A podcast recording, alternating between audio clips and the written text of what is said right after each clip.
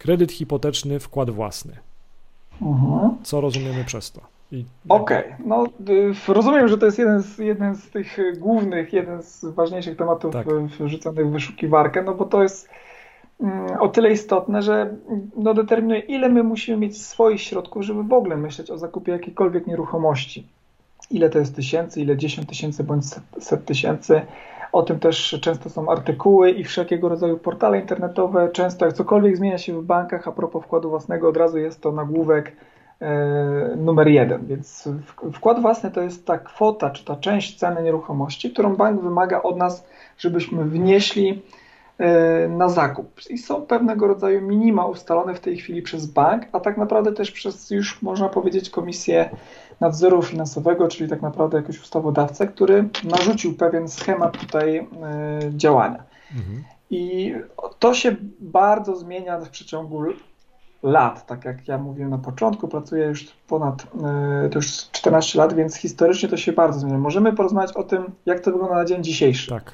A na dzień dzisiejszy, kupując nieruchomość, takim minimalnym wkładem własnym, to jest 10% ceny zakupu, a czasami wartości nieruchomości, bo może się zdarzyć też tak, że, że nieruchomość jest warta więcej niż będziemy za nią płacić. To nie jest oczywiście typowe, bo to ewidentnie jakaś okazja, których tak. oczywiście dużo nie ma, ale są takie czasami przypadki, więc wtedy czasami udaje się tego wkładu własnego swojego wnieść mniej. Więc sporo banków na dzień dzisiejszy wymaga 10% wkładu własnego. Najprościej mówiąc, jak kupujemy nieruchomość za 100 tysięcy, potrzebujemy 10 tysięcy e, swoich środków.